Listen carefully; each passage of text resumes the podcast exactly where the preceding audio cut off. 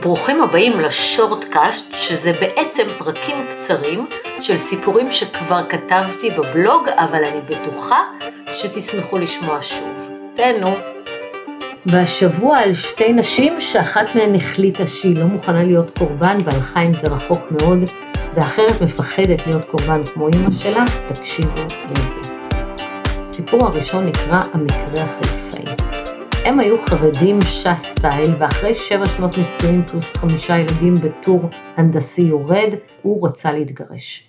היא בחיים לא עבדה והוא דווקא כן, אבל כשהוא החליט להתגרש ממנה, הוא לקח אותה לבית הדין הרבני, ושם בדיון הוא הכתיב הסכם גירושים שהקנה לה מזונות של 300 שקל לילד, ואפשר לה בנדיבותו לקחת עימה את כל הריהוט מדירתם הקטנה. וכך היא מצאה את עצמה גרושה בת 27, עם חמישה ילדים וכמה מיטות ישנות, והבינה שזו היא נגד העולם, ואף אחד לא יעזור לה, גם לא אלוהים. היא הסתדרה איכשהו וניסתה לעבוד בכל מיני עבודות, ולמדה להסתדר ולחלק פת לחם לחמישה ילדים במשך כמה ימים, ונקטה בתים, אבל היא לא הצליחה להתמיד באף עבודה, היא הייתה חייבת לטפל בחמישה ילדים קטנים שהוא בקושי ראה, וכשהוא כן לקח אותם הם עלו לו על עצבים והוא עשה להם סדרת חינוך בסגנון הציווי המקראי חוסך שבטו שונא בנו, והם חזרו אליה בוכים וזבי חותם והיא הרגיעה וליטפה והקריאה סיפור עד שנרדמו, קצת רעבים.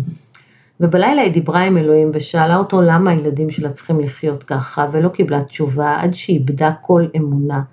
והתלבושת החרדית שהמשיכה לעטות על עצמה הייתה בעיני התחפושת בלבד.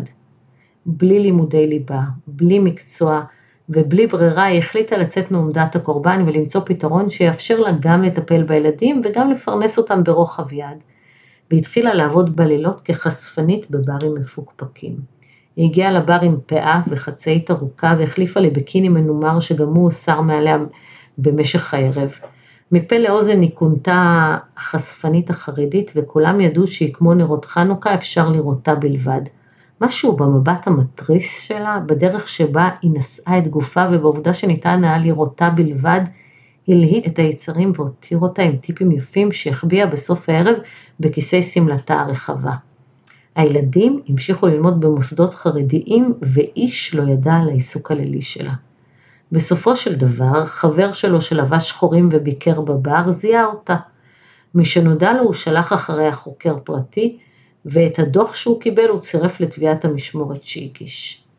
רשויות הרווחה נדרשו להגיש תזכיר באשר לטובת חמשת הילדים הקטינים החרדים, האם טובתם להישאר במשמורת אמם החשפנית או לעבור למשמורת אביהם החרדי האלים.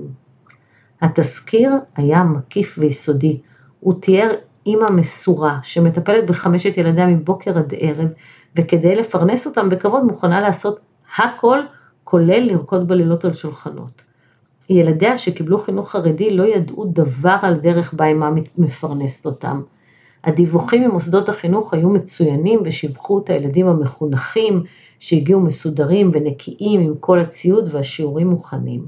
לאב שבינתיים נישא בשנית והביא לעולם עוד שלושה ילדים לא היה קשר עם מוסדות החינוך והוא לקח את הילדים אליו מפעם לפעם וכשלא עמדו דום לפקודות שלו הוא גם היכה אותם מפעם לפעם. המלצת רשויות הרווחה הייתה שטובת הילדים להותירם במשמורת עמם. בדיון שהתקיים, האב שהחליט לצאת למלחמת עולם, סירב לקבל את המלצות התזכיר וביקש לקבוע דיון הוכחות ולזמן עדים. אותו אב שהותיר את ילדיו רעבים ללחם והיכה אותם, הוא לא ידע שקרמה איזה ביץ' ולכן הוא שלח גם למנהלי מוסדות החינוך של הקטינים וגם לבעל הדירה בה הם התגוררו את הדוח של החוקר הפרטי. ביג מיסטייק, יוג'. תוך יום הושעו חמשת הילדים ממוסדות החינוך והם נדרשה לתת הסברים לדוח ובמקביל ובלי לבקש את תגובתה ניתנו לה יומיים להתפנות מהדירה. ככה זה בסביבה החרדית שהיא גרה. היא לא הייתה מעוניינת להסביר או להגיב והיא פשוט ארזה הכל ועברה דירה לאזור הרבה פחות חרדי. הגשנו בקשה לרשום את הקטינים למוסדות חינוך חדשים שהסכימו לקבל אותם באמצע שנת הלימודים, הסברנו שהעיפו אותם ממוסדות החינוך שלהם. ובאמת אחרי שרשויות הרווחה המליצו, נתן בית המשפט את אישורו, ובתוך יום היא הסירה את התחפושת, גזרה לבנים את הפאות והעבירה את הילדים למוסדות חינוך חילוניים. זה אמנם לא קרה ביום אחד, אבל כעבור חודשיים שלושה הם נטמעו לחלוטין. לדיון הבא האבא לא הגיע. הוא נעצר על עבירות של אלימות במשפחה נגד אשתו השנייה, ובית המשפט מחק את התביעה. הסיפור השני שלי הוא על ג'וינט במרפסת.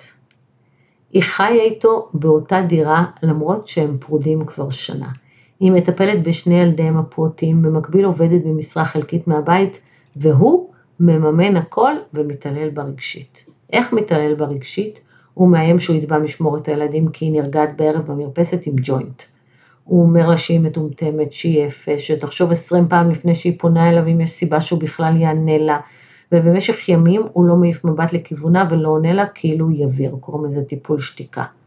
אתם בטח סבורים, כמו שאני סברתי, שהיא שם כי היא תלויה בו כלכלית.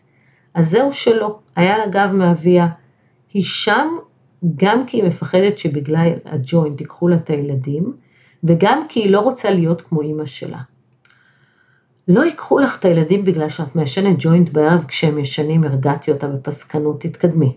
ואיך אימא שלך? שאלתי. והיא סיפרה לי על אביה שעזב את הבית כשהיא הייתה בת שש, ומאז היא התגוררה עם אמה בדירה קטנה, ובהמשך עברה עמה לעיר מרוחקת, ואת אביה היא פגשה כמה פעמים בשנה, ואחר כך בכלל לא. אמה הייתה הקורבן הקלאסי, היא האשימה את האבא בכל הצרות, לא הפסיקה להתמרמר עליו באוזניה. כל הזמן חיפשה לה אבא חדש, וגם כשבאו אליה חברות, הם שמעו על איך אבא שלה זרק אותם לכלבים, וכמה אימא שלה תיתן את חייה עבורה. והיא התביישה, מאוד התביישה.